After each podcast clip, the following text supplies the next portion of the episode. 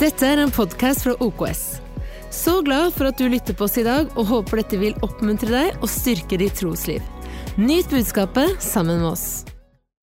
Jeg skal snakke om ikke lenger død på innsiden. Og Vi skal lese fra Efeserbrevet kapittel 2 og vers 1-5. Og Selv om det er første søndag i advent og det er festsøndag, så er det ikke et typisk julebudskap. Du skal, eh, det er heller en aldri så liten bibeltime. Går det bra? Tåler vi det? Men la oss lese noen aldeles nydelige vers. Det står Også dere gjorde han levende, dere som var døde i deres overtredelser og synder, de som dere en gang vandret i, etter tidsånden i denne verden, etter fyrsten over luftens makt, den ånd som nå er virksom i ulydighetens barn. I disse levde også vi alle før, i våre menneskelige lyster, og vi gjorde som lystne og tankene ville. Vi var av naturen vredens barn, slik som de andre. Men Gud er rik på miskunn.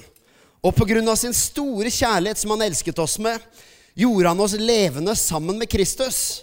Da vi var døde i overtredelsene. Av nåde er dere frelst. Resten av kapittelet er helt nydelig, men jeg ville fokusere inn på dette, og vi skal fokusere på fem setninger.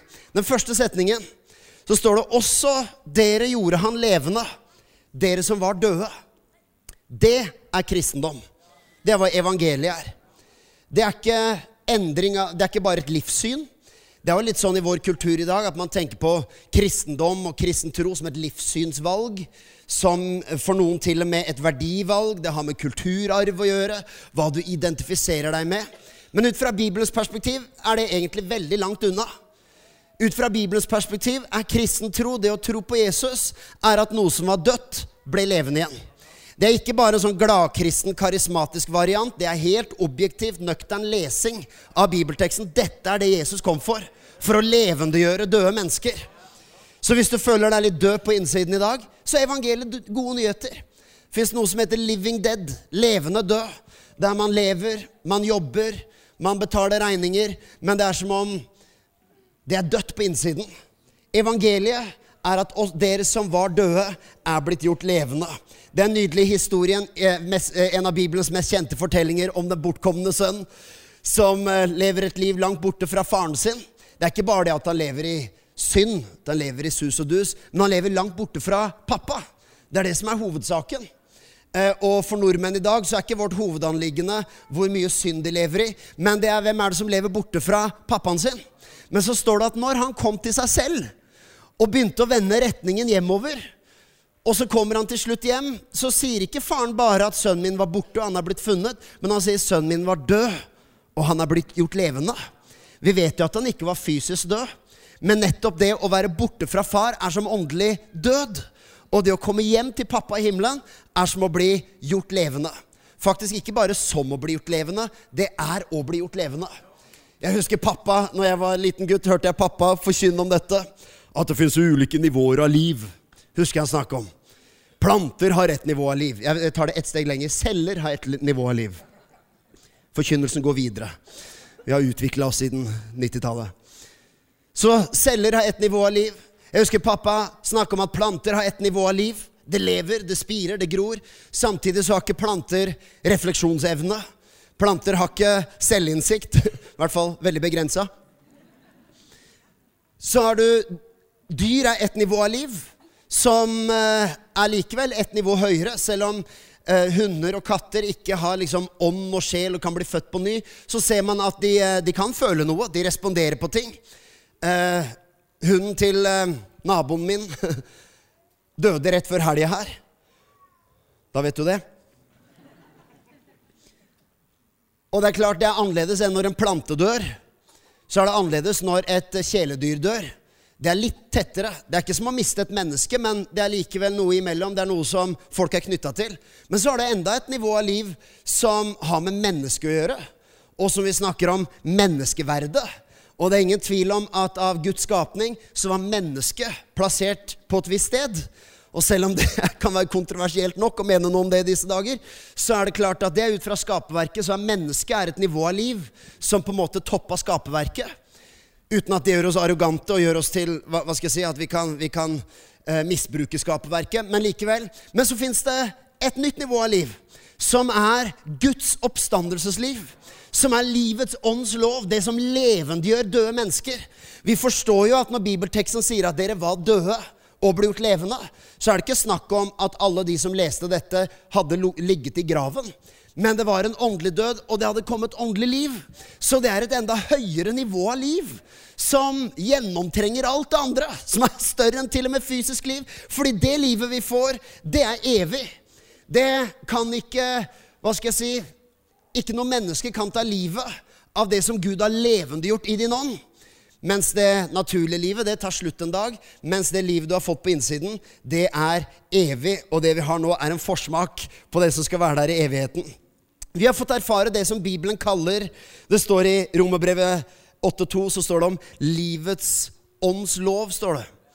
Eller en annen oversettelse sier lovens, eh, åndens lov som gir liv.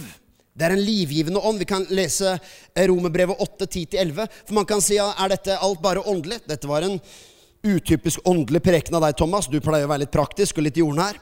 Vel, vet du at dette er egentlig veldig livsnært og veldig relevant, spesielt hvis du føler deg litt død på innsiden. For vi kan gi masse praktiske steg og praktiske råd, og det er mye man kan gjøre for å pynte på et lik. Men når alt kommer til alt, så er det egentlig kun én som kan skape permanent transformasjon. Det er å bli gjort levende. Det hjelper ikke å sminke på liket sitt med litt moral og litt gode verdier, og prøve litt bedre og litt egeninnsats og litt selvhjelp. Nei, det trengs noe som puster liv i det. Og det er det som livets ånds lov snakker om. Og det påvirker til og med hele deg, også det fysiske. Det står sånn om Kristus bor i dere. Er nå kroppen død pga. synden? Altså kroppen, den er Den forgår. Det vet vi. Den, eh, nå er jeg runda 40, og nå er det bare på vei nedover herfra. Nei, men kroppen forgår. Sånn er det bare. Den er ikke evig.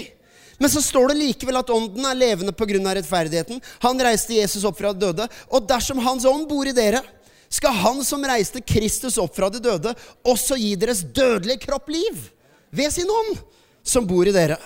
Så det er et åndelig liv, ja, men det er et åndelig liv som også revitaliserer kroppen din. Og hele deg og ditt sinn og ditt vesen. Det er ingenting galt med vitamintilskudd. Det er faktisk veldig bra. Det er ingenting galt med et godt kosthold. Det er veldig bra. Det er viktig å få seg nok søvn. Men hvis du mangler overskudd, hvis du mangler styrke, hvis du mangler glede, hvis du mangler gnist, så er det fantastisk at du også har livets ånds lov i Jesus Kristus. Det er ikke bare en liksom-styrke på tampen. Det er faktisk essensen av det miraklet Gud gjorde da han fødte deg på ny, og det som gjorde deg til en trone. Livets åndslov. Det var setning nummer én. Forresten, på tampen så For, for jeg, jeg, er veldig praktisk i min tankegang. Når jeg leser sånne vers, så kan jeg bli litt sånn Ja, ja hvordan? Når jeg kjente meg ganske trøtt i dag. Hvor, hvor er livets åndslov? Jeg har, gjort narra, eller jeg har nevnt det noen ganger når vi var på, For mange år siden var vi på en sånn turné, en sånn fundraising-turné for filmen som broren min lagde. Og Da var jeg med, og broren min David var med, og pappa. Og Etter hver forestilling så uh, stakk vi en tur ut på byen, og pappa han ble alltid med.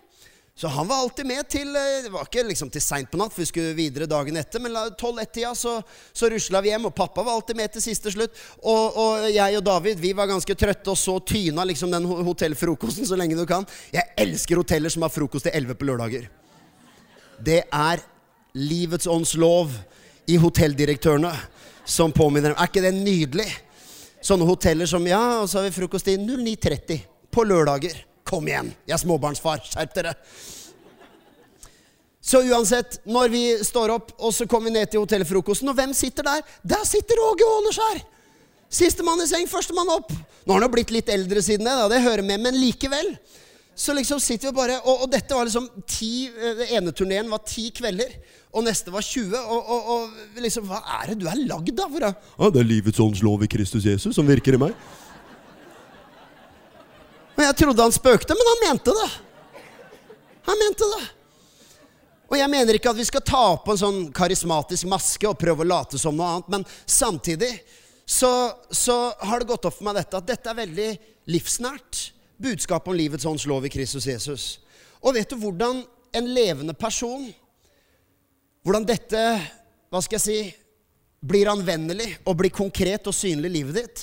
Jo, du kan tenke litt sånn her at det hjelper på en måte ikke Hvis en person er død, så hjelper det ikke å slå på lyset. Det hjelper ikke å snakke til en død person. La meg det blir makabert. La oss ta en dokke, da. Det hjelper ikke å snakke til en dokke. Huset vårt er fullt av bamser og dokker, men det er ikke sånn når jeg skrur på lyset, så vekkes de til live. Du kan tvinge en dokke til å liksom bevege Du kan bevege armen. Ganske creepy tanke, egentlig, men du kan, du kan få en bamse, en dokke, du, du kan tvinge den til å bevege på noe. Akkurat som du kan tvinge en åndelig død person til å gjøre kristne handlinger. Og gjøre moralske handlinger og bli med på noen sanger og, og gjøre noen ting. Og jeg sier ikke at det er forferdelig, jeg bare sier det er ikke det som gjør en levende. Hvis du har vokst opp også i et kristent hjem der du ble tvunget til kristne handlinger, så er ikke det livets ånds lov som har virket i deg. Det er noen som prøver å styre bevegelsene. Nei, det som er med en levende person som bare sover. Og dette blir bare sånn, litt sånn tenkt illustrasjon. Det står 'Våkn opp, du som sover, Kristus skal lyse for deg', osv. Men, men det er også en nydelig illustrasjon med at noen som er i dvale, noen som sover, så er det sånn at det å begynne å skru på lyset er noe som kan vekke sansene og som gjør at et levende menneske kan gå fra søvn til våken tilstand. Selv om riktignok illustrasjonen holder ikke helt, for hjemme hos oss, når jeg skrur på lyset, så er det ikke sånn at noen våkner og bare 'Skru av!' og så er det stille en halvtime til. det er faktisk sant. Men bildet fungerer likevel. I din ånd, hvis du hører dette budskapet og tenker jo, det er herlig med livets ånds lov, men jeg føler meg matt, jeg føler det er i dvale, jeg lurer på hvor er det hen? Hva, hva? Du skjønner, Da er det noe med at simpelthen at lyset blir skrudd på, er nok til at dette vekkes til live i deg. Det, disse versene er ikke på skjermen, men, men, jeg bare leser det fra første Korinterbrev, kapittel 2. Første Korinterbrev 2. Så står det nemlig om dette at um, det står om menneskets ånd og så står det at det som øyet ikke har sett, det øret ikke har hørt, det som heller ikke kom opp i menneskets hjerte, men det som Gud har forberedt for den som elsker ham, så står det Gud har åpenbart det for oss ved sin ånd. For ånden ransaker alle ting, ja, også Guds dybder. For hvem blant menneskene kjenner de ting som hører mennesket til, uten menneskets ånd som er i ham? Slik er det heller ingen som kjenner de ting som hører Gud til, uten Guds ånd. Det er mye å lese i disse versene, men håper du får med deg en rød tråd her. Så står det at vi har ikke fått verdens ånd, men vi har fått den ånd som er fra Gud, for at vi skal kjenne de ting som av nåde er blitt gitt oss av Gud. Hva er det det står? Jo, vi har blitt gjort levende. Og det levende mennesket, den levende ånden, han er i stand til å kjenne de ting som er av Gud. Det er som et språk som et åndelig død person ikke forstår. Og vi vet jo det at det er klart, sier du det til en vanlig ikke-troende person at 'jeg har livets ånds lov i Kristus', Guds liv, Guds liv i meg gjør, levendegjør min dødelige kropp så er det klart, For det første er sjargongen litt fremmed, men for det andre så er det, det er null kobling. Det er bare rare ord. Jeg forstår ikke hva du snakker om. Og vi er ikke ovenifra og ned eller anklager dem for det, men det er simpelthen sånn at det det står her, at den ånd Gud har gitt, den er i stand til å kjenne de ting som er av Gud. Så når du sier til en levende åndelig person, en som, er, en som kjenner evangeliet, men som kanskje i sitt åndelige liv sover litt, som kanskje er litt i dvale, som kanskje lengter etter å kjenne det igjen, det som han en gang kjente, det som kanskje har gått litt på rutine Jo, vet du hva? Det holder med du skjønner, Den ånd som er i deg, er i stand til å forstå det språket. Så det er nok å skru på lyset. At det kommer åpenbaring, at det kommer innsikt. At du blir påminnet om det du visste fra starten av. For den ånd som er i deg, er i stand til å skjønne. Det er derfor du kan trøste en troende person med bibelvers. En som sørger, en som har det vondt, så er det noe selv. Og jeg sier ikke at det er den eneste sjelesorgen vi skal, vi skal, gi, at vi skal sitte og bare ramse opp bibelvers. Men samtidig så er det noe i et åndelig levende menneske som vil appellere til livets ånds lov. Det er noe som vekkes til livet. Lyset blir skrudd på. Det som sover, vekkes opp fra dvalen. For selv om man sover, så lever man. Mens en død person kan du snakke til så lenge du vil, men det skjer ikke noe ved å snakke til en som er åndelig død. Du skjønner, Guds ord har ikke alltid noen betydning. Jeg vet det står Guds ord vender aldri tomt tilbake, og noen brukte det til å rope til et eller annet bibelvers på megafon på Karl Johans gate, eller liksom en eller annen sånn Rope til et eller annet bibelvers og så ja, Guds ord vender aldri tomt tilbake. Det er å ta det verset helt ut av kontekst. Men uansett, du er en åndelig levende person. Så uansett om du føler deg litt død, eller litt matt på innsiden, så er det sånn at det er nok at Den hellige ånd skrur på litt lys. Det er nok å, For troen kommer av det du hører. Så for noen er det nok bare at du hører og blir påminnet. For jeg elsker den ordlyden det står her. Jeg skal roe meg litt. Det må være en slags sånn Det må være en stigning i en preken. Vi er, for, er altfor høyt oppe allerede. Jeg liker mer en sånn der sørstatsamerikansk stil, hvor de er helt rolig og filosofisk i 20 minutter. You feel the presence of God here tonight. It's a special anointing in this place this morning. Og så spoler du 20 minutter fram, og så ah! Det, det er en stigning. Det vi har noe å lære der. Den går altfor fort opp. Men her står det Vi har ikke fått denne verdens ånd, men den ånd som er fra Gud. La meg lese det sakte en gang til. Vi har fått den ånd som er fra Gud, for at vi skal kjenne de ting som av nåde er gitt oss av Gud. Så i deg, i din ånd, i ditt levende vesen på innsiden, så er det noe som er i stand til å kjenne de ting som i nåde er blitt gitt deg av Gud. Derfor er det bra å vite at troen kommer av det du hører. Og det er derfor også søndagen er mer enn bare at du må høre Thomas eller Trond Egil eller andre sin stemme holde et foredrag eller noen fine tanker. Og jeg tror eh, Det er ikke så ofte, og jeg sier ikke dette i noe arroganse, eller sånn, men det er, det er forbløffende sjelden at du liksom hører en preken i våre dager om livets ånds lov. Det er ikke så vanlig å snakke om. Man kan sveipe innom det som en parentes. Men dette er jo essensen av det kristne livet. Er at du blir påminnet fordi noen er i stand til å kjenne de ting som i nåde er blitt gitt deg av Gud. Og resten av kapitlet sier akkurat det samme. Et sjelelig menneske tar ikke imot de, ting som hører Guds ånd til, for de er som dårskap for han.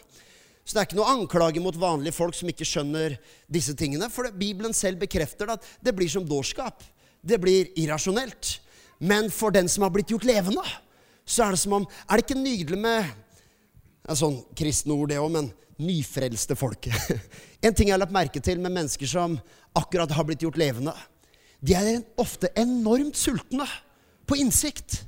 Det er nesten litt sånn, Du av og til må hjelpe dem og bremse dem litt. fordi de kan, de kan liksom sitte og de kan lese så mange timer i Bibelen og høre på så mye podkaster. Du skjønner at kanskje en sånn ekstrem greie som det er kanskje ikke bærekraftig. Men det er noe i dem som Det har akkurat blitt gjort levende. Og det er første gang de i sitt indre skjønner åndelige ord. Skjønner Guds ord. Og det er som om, det er som om liksom en, det er som å ha lært seg et helt nytt språk. Man har bare lyst til å snakke det. Og til deg som har vært troende lenge, er det ikke nydelig å bli påminnet om hva du i nåde har blitt gitt av Gud. Dette lever i deg. Hvis du er død på innsiden, så er det sånn at evangeliet er at også dere gjorde han levende. Setning nummer to. Dere som var døde Og tida jeg er fullstendig ute å kjøre, så det er bare å glemme de fem setningene. Det, det var en spøk. Dere som var døde i deres overtredelser og synder. Her blir det litt mer tricky.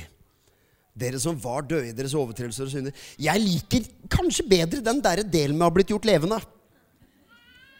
Dø i mine synder og overtredelser. Dette er min respons når jeg leser det.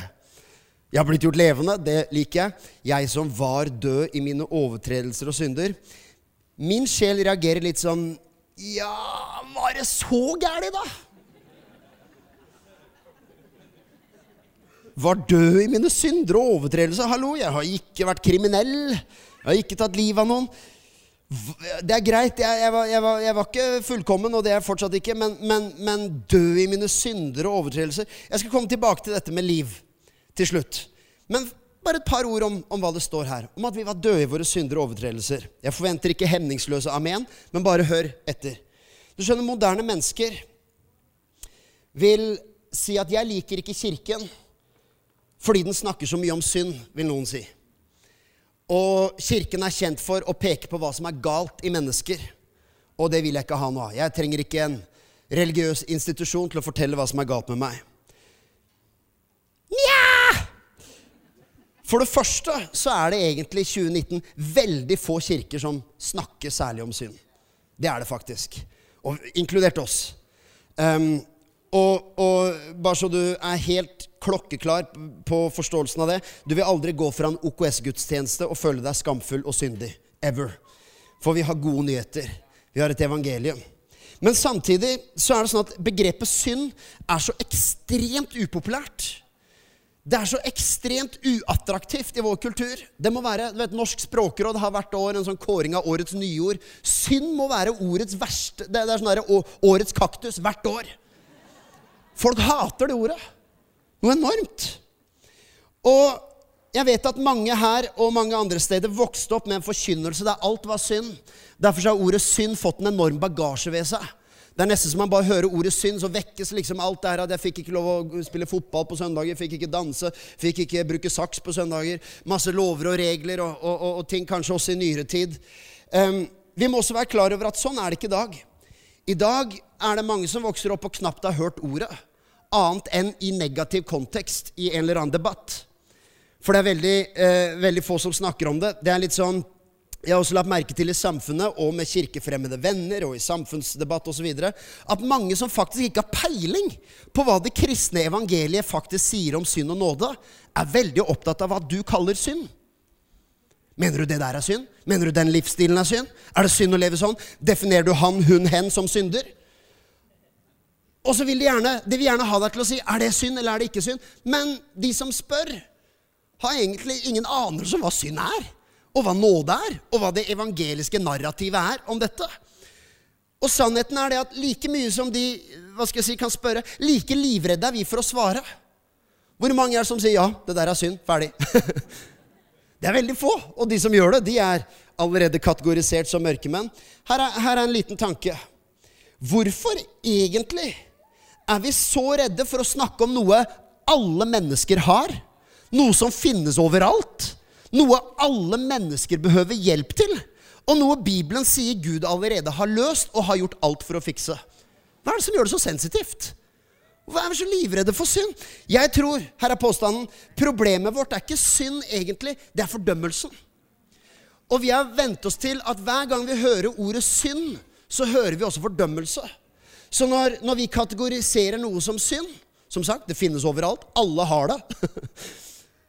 Menneskeheten trenger hjelp til det. Men hver gang vi hører at, at, man kaller noe synd, så tenker man automatisk at du fordømmer det.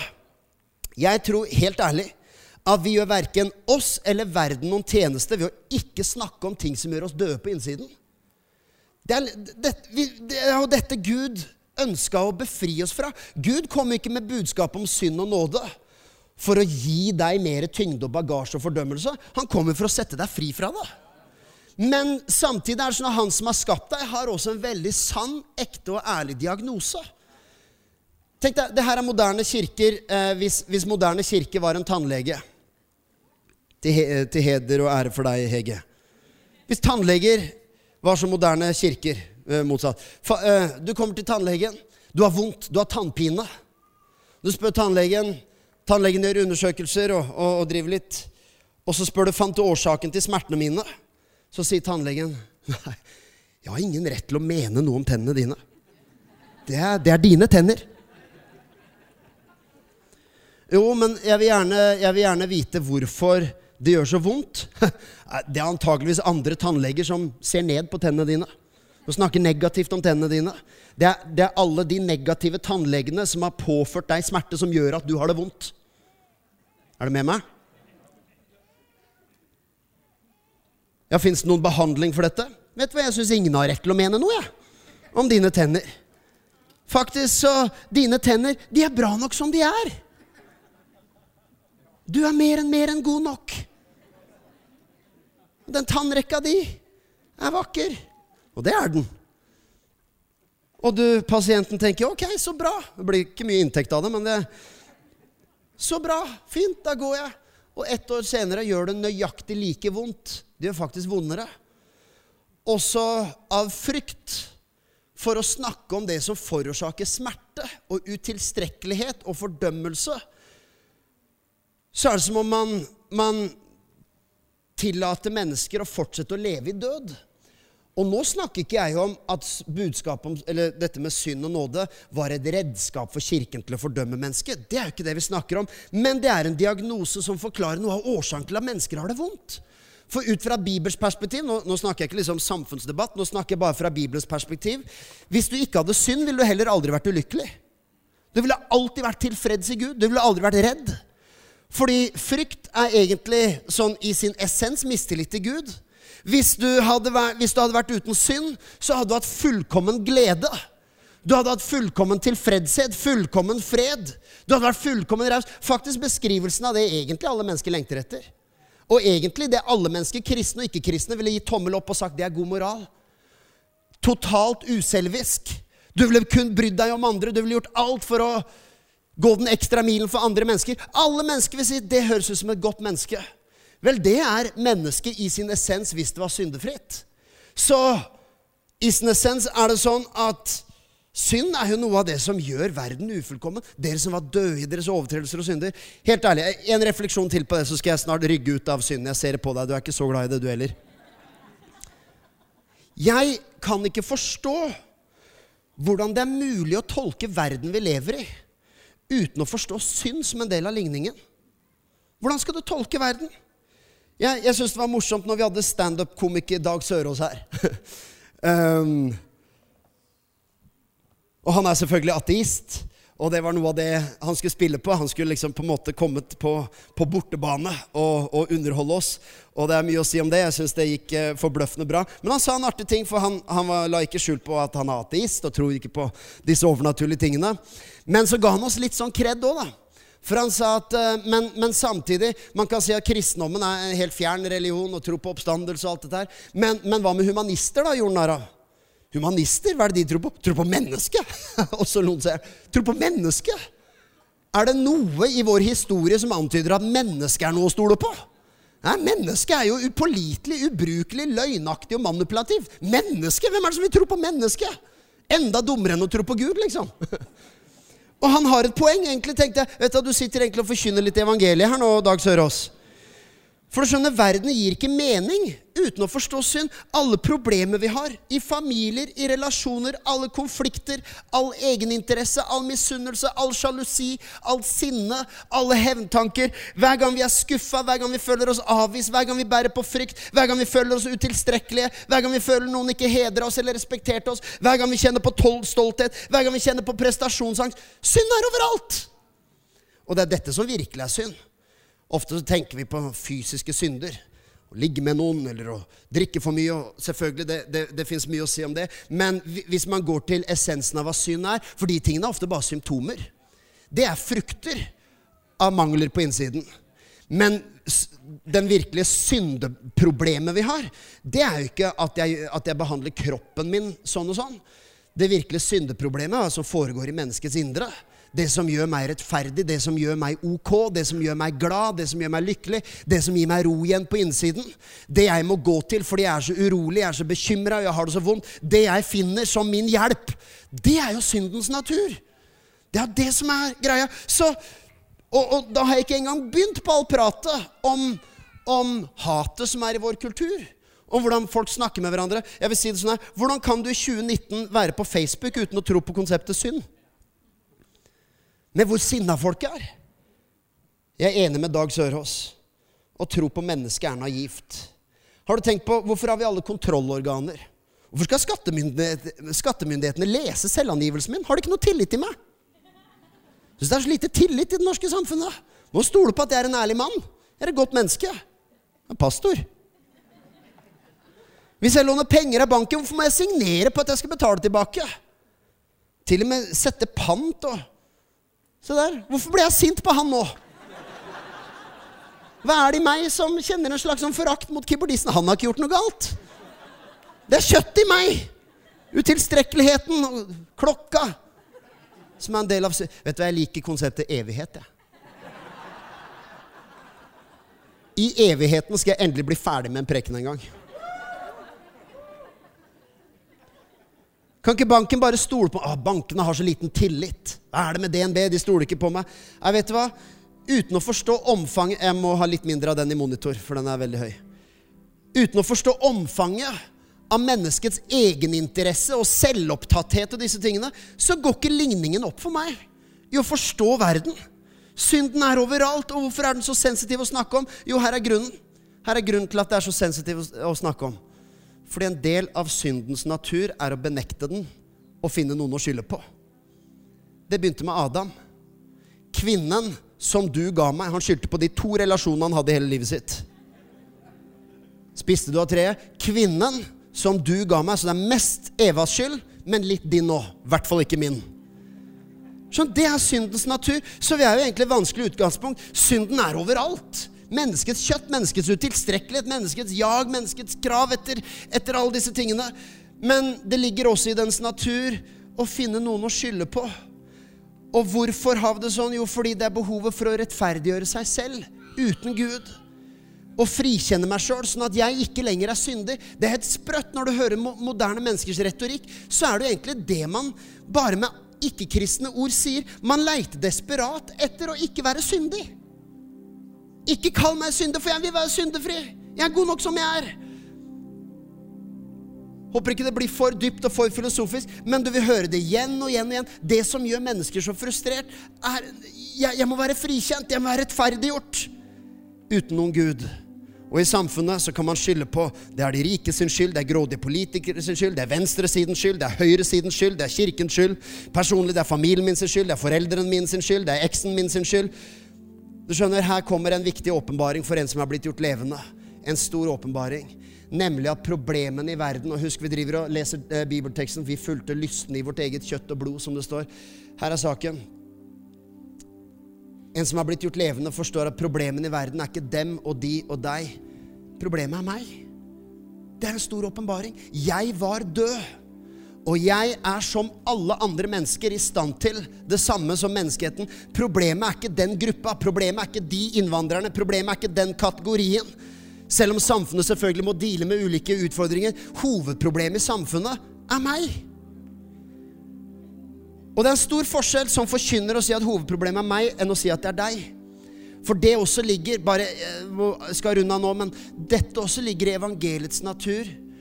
Er at i den grad vi skal snakke om synd, så ser du når du tar én finger utover, så er det tre som peker innover. Jesus konfronterte nesten aldri umoralske handlinger. Men han konfronterte selvrettferdighet. Igjen og igjen og igjen. Evangeliets natur er ikke en forkynner... Det, kan høres veldig likt ut, men det er en stor forskjell fra en kristen plattform å si at synden fins i deg, eller å si at problemet med samfunnet er meg. Det er og sannheten. Så tenk på det rent sånn, halvfilosofisk. Det som virkelig kunne skapt fred på jord, er at om alle mennesker tenkte det erkjennelse av at vi er døde i våre syndere og overtredelser, kunne skapt fred på jorda. Hvis alle slutta å rette pekefingeren utover, men begynte å rette den innover og forstå at det er jeg og vi, alle, som er problemet. Og så, øh, og så tror vi da at historien slutter ikke der. Det er det som også kan være problemet av og til med kristen forkynnelse, at man setter et punktum. Jeg var problemet. Jeg var død i mine syndere og overtredelser. Punktum. Men historien er ikke over. For det står at dere ble gjort levende igjen. Vi hopper over det neste punktet. Det står vi fullt av lystne. Da tenker vi med en gang fysiske lyster. Det ordet lyster kobler vi jo med fysiske ting. Men det ordet lyster har å gjøre med driv, lengsler, begjær. Det, det, er egentlig Ja, det kan ha med kjøtt og blod å gjøre, men egentlig så er det lengselen det, Egentlig er det lengselen etter gode ting. Det er gode ting som jobb, kunnskap, utdanning, anerkjennelse, respekt, inntekt, trygghet, forutsigbarhet. Masse gode ting som vi bruker til å rettferdiggjøre oss. Ting som var ment å være til velsignelse, ting som var ment å være i livet. Lystne i vårt kjøtt og blod. Jeg vet ikke med deg, men når jeg leser det, så tenker jeg jeg har aldri vært noe voldsomt. Greit, vi alle har lyster, og vi alle har våre naturlige begjær, men det er, ikke, det er ikke den jeg var uten Jesus, som gikk rundt og sleit så fælt med alle mine lyster. Jeg veit om noen som er sånn, men ikke meg. Men vet du hva det står? Uten Jesus så fulgte vi lengslene etter rettferdiggjørelse i dette. I karrieren min, i fasaden min, i å ha nok venner, i å bli invitert til rette stedene, ved å ha gode nok skolekarakterer, ved å være god nok, ved å, ved å innfri forventningene, ved ved å, ha høy nok inntekt, ved å ha kjøretøy som jeg skulle ønske meg, at disse tingene er bra. Alt, Ingen av de tingene er jo onde ting. Det er gode ting som vi lengter etter. Det som gjør det ondt, er at kjøttet utnytter det til å bruke det til å rettferdiggjøre oss. Så ting som Gud har gitt i sin rike velsignelse over oss, og fordi Han elsker oss, så bruker vi det til å rettferdiggjøre oss. Men her er det som er forskjellen for en levende, helt, helt, helt til slutt. Det står nemlig, hvis du tar den femte setningen, men Gud er rik på barmhjertighet. Og så står det fordi Han elsket oss med en så stor kjærlighet, gjorde Han oss levende. Vet du hva den største forskjellen det er mange forskjeller, men her er den største forskjellen på din og min moral og Guds moral. Vet du hva den er? Den er at Gud er rik på barmhjertighet. Det er forskjellen. Hvis du skulle bli, på dommedag stå og bli dømt etter det som har vært din moral hele livet, så ville du vært ganske streng. Så ta hver gang du har reagert på noe, hver gang du har vært skeptisk til noe, hver gang du har vært sint på noe, så setter du en moralstandard hver gang. Alt det du gjennom livet har ment er et godt menneske. Alt du mener er gode handlinger, alt du mener er dårlige handlinger. Så ta summen av alt gjennom livet, og det utgjør din lov uten Gud. Så ville alle mennesker bli dømt ikke ut fra Guds moral, men ut fra sin egen. Så Du kan være den verste dommeren. Men forskjellen på din moral og Guds moral, det er at Gud er rik på barmhjertighet. For han ser ditt og mitt fall. Han ser vår åndelige død. Og så står det fordi han elsket oss med en så stor kjærlighet, gjorde han oss levende. Det skal ikke bli helt Disney-film på slutten her, men det minner meg om sånne typer filmer. fordi hvis du ser narrativet i sånn Skjønnheten og udyr og flere sånne Disney-filmer, så er det nesten det samme underliggende budskapet ofte. Du har et udyr, du har en bad guy, du har en, et monster. En som ikke er noe til å se på. Så kommer en søt, yndig prinsesse som er full av renhet og er ikke noe annet enn godhet. Det er en slags gistusskikkelse. Og hva er det som skjer? Jo, denne yndige, gode, søte, dansende prinsessen ender opp med å elske monsteret. Og hva skjer? Monsteret blir forvandlet til en prins. Igjen og igjen. Samme narrativ. Senest i går drev eh, Katrine og så på en eller annen sånn klissete, elendig julefilm. Jeg har ikke sett noe verre i hele mitt liv. Det motbydelig. Men men bak, bak det klisset så ligger det et underliggende narrativ. Den hellige, den fullkomne, den perfekte, den vakre, den som skinner, som elsket monsteret. Og hva skjedde med monsteret? Han ble elsket inn til en prins. Dette er jo evangeliet. Jesus, hellig, ren, rettferdig, full av nåde, full av barmhjertighet, uten feil, uten lyte, uten flekk fullkomne lammet som ble slaktet. Han elsket monsteret så inderlig at monsteret ble gjort levende.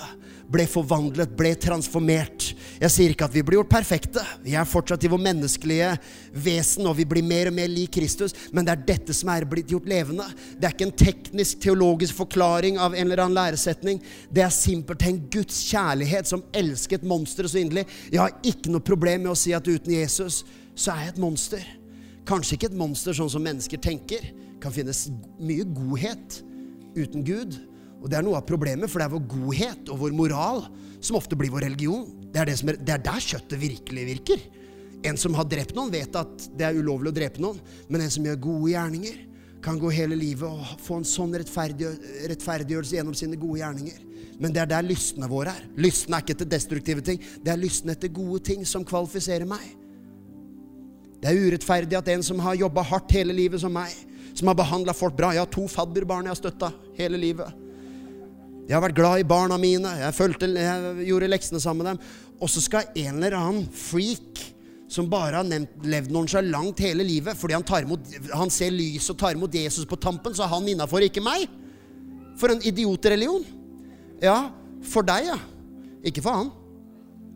For han er den beste religionen ever som sier 'tenk at det var plass til et monster som meg'. Det er derfor vi har et problem når vers 2 virker så vanskelig for oss. Ja, vi gjorde levende, vi som var døde i våre syndere overtredelser. I den grad vi reagerer negativt på det, er egentlig bare manglende innsikt i Guds nåde.